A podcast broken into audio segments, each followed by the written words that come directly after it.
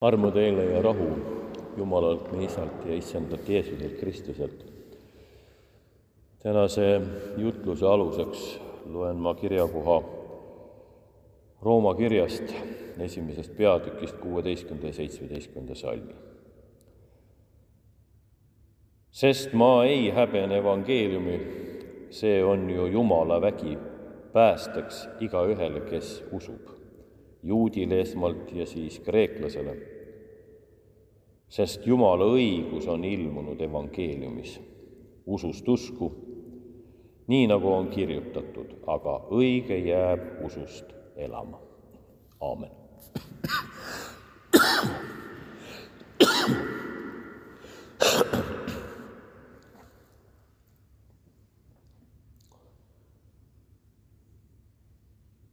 Sellel ajal veel, kui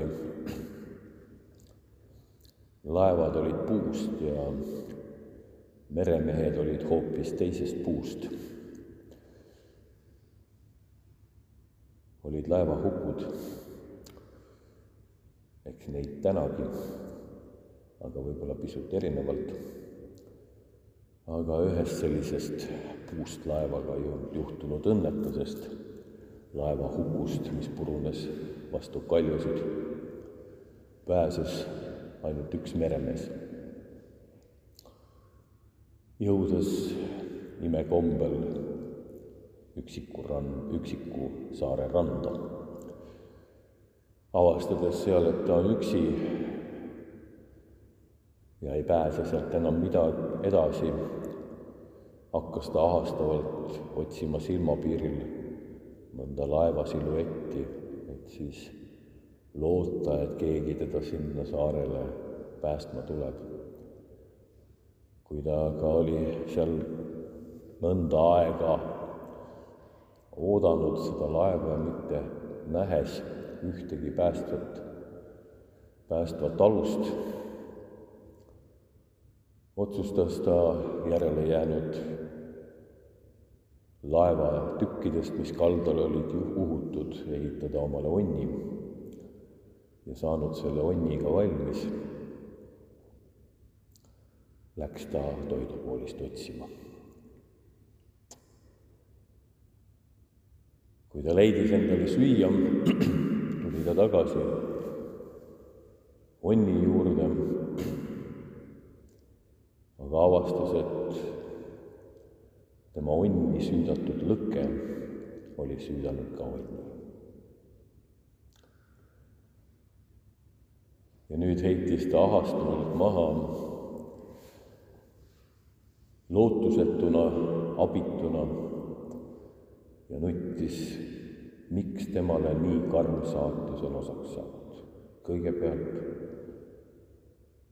jääda üksinda sellisele üksikule saarele, kus ta enam ära ei pääse ja siis veel võetakse talt eluase, see vähenegi, mis tal oli heitis Jumalale ette, et miks Jumal teda nii karmilt nuhtleb. ja kui ta seal nõnda avastuses pikali oli, tundis ta korraga, et keegi teda õlast raputab. tõstis pead ja nägi, et randa oli saabunud laev ja sealt tulnud inimesed tulid vaatama, et mis mees seal pikali on Nendelt inimestelt kuulis ta, et nad olid merel seilates märganud lõkkesuitsu ja tulid selle lõkkesuitsu peale sinna randa, tule peale randa. see oli tema onni põlemise tuli, mida märgati merelt.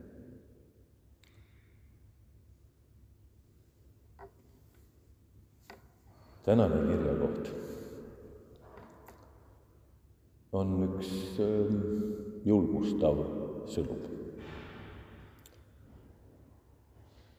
ühtpidi tundub kuidagi selline arutlev, teatud sorti loogikat pakkuv, aga kui ma selle teksti sisse hakkasin süüvima, siis äh,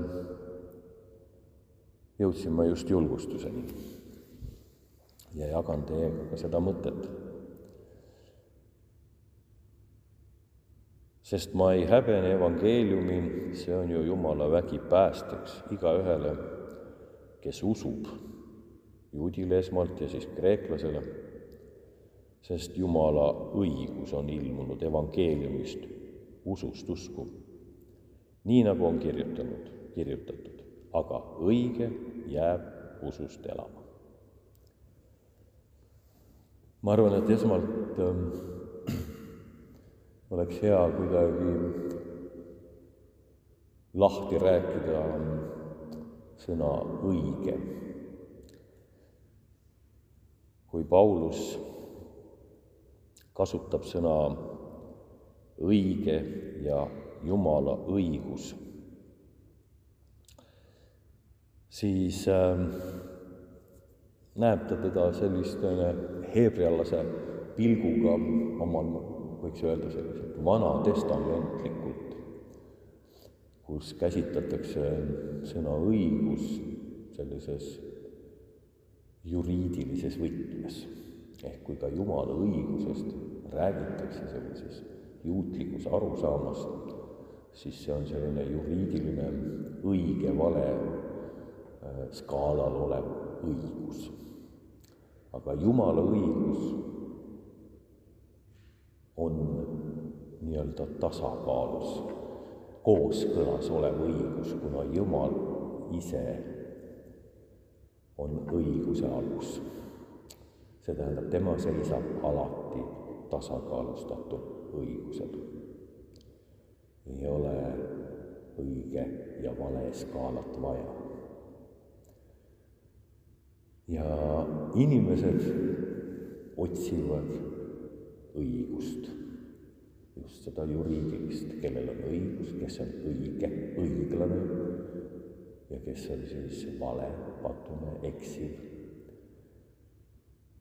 ja asjad saavad korda, kui nad leiavad õiguse õigluse, siis on asjad jälle taas tasakaalus. aga inimestena kiputakse selle õiguse pealt jälle ära kalduma. aga nüüd räägib Paulus siin Jumala õigusest ja inimestest, kes läbi evangeeliumi ja usu saavutavad õiguse ehk siis balansi, tasakaalu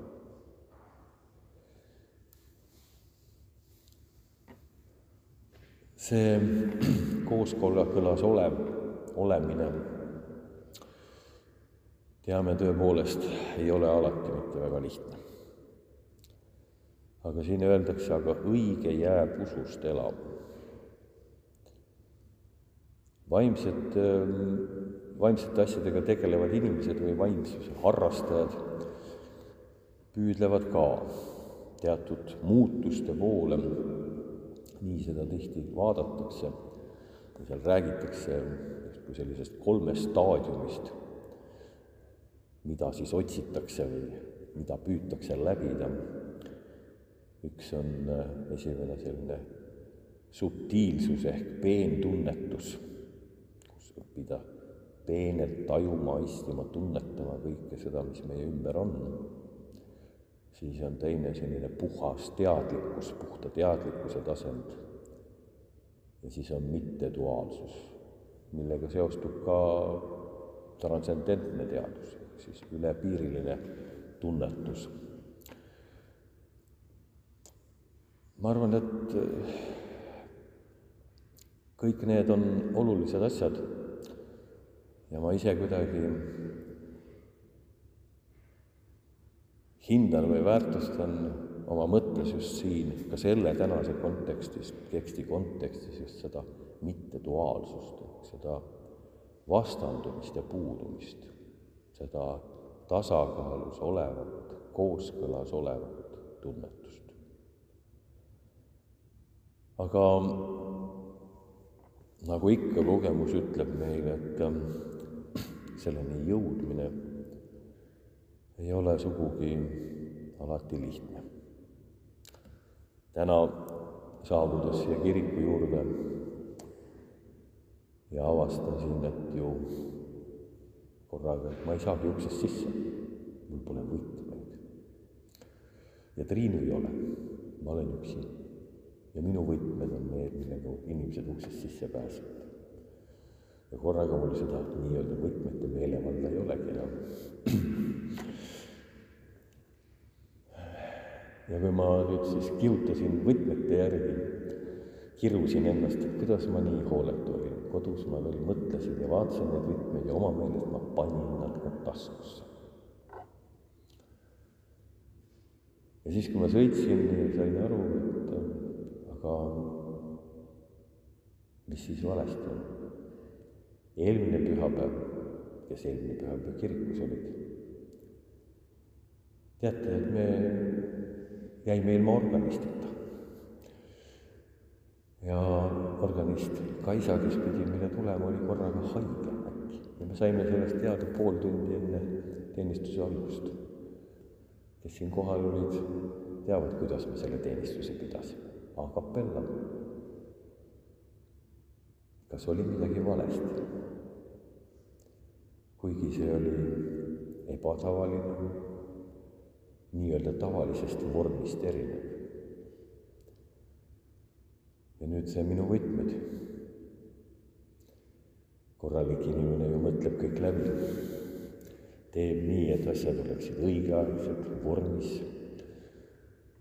ja nii, nagu plaan ette näeb. aga küllap on nii, et me tihti just selliste vormist väljakukkumiste puhul satume sageli ärevusse, paanikasse, segadusse. aga mida muudab see olukorra jaoks tervikuna? see meie paanika, meie mure sellest, et asjad ei lähe nii, nagu peaks. me oleme vormist, raamist välja kukkunud. Käsitleme seda kui tasakaalutust, kui ebaõnnestumist, kui tasakaalutust. ja ometi on meil võimalus olla alati tasakaalus, kooskõlas. üks mu sõber, kes oma ema elu finaalis suretas oma ema, otsustas ühel hetkel, et ta läheb ära välismaale, reisile, sellel ajal, kui ema koomasse langes. paljud heitsid talle ette, et kuidas ta jätab oma ema üksi, hülgab oma ema, jättes ta sinna üksinda surema. Aga tema leidis, et just nii saab ta aidata ema edasi liikuda sinna, kuhu ta on juba teel. mitte olles tema kõrval, hoides tema hinge keha küljes, sest tema igatsus ema mitte kaotada ja tema ema elus hoidlev lähedus, ema kõrval istumine, võiks seda, mis juba toimumas on, tegelikult toimumas on, takistada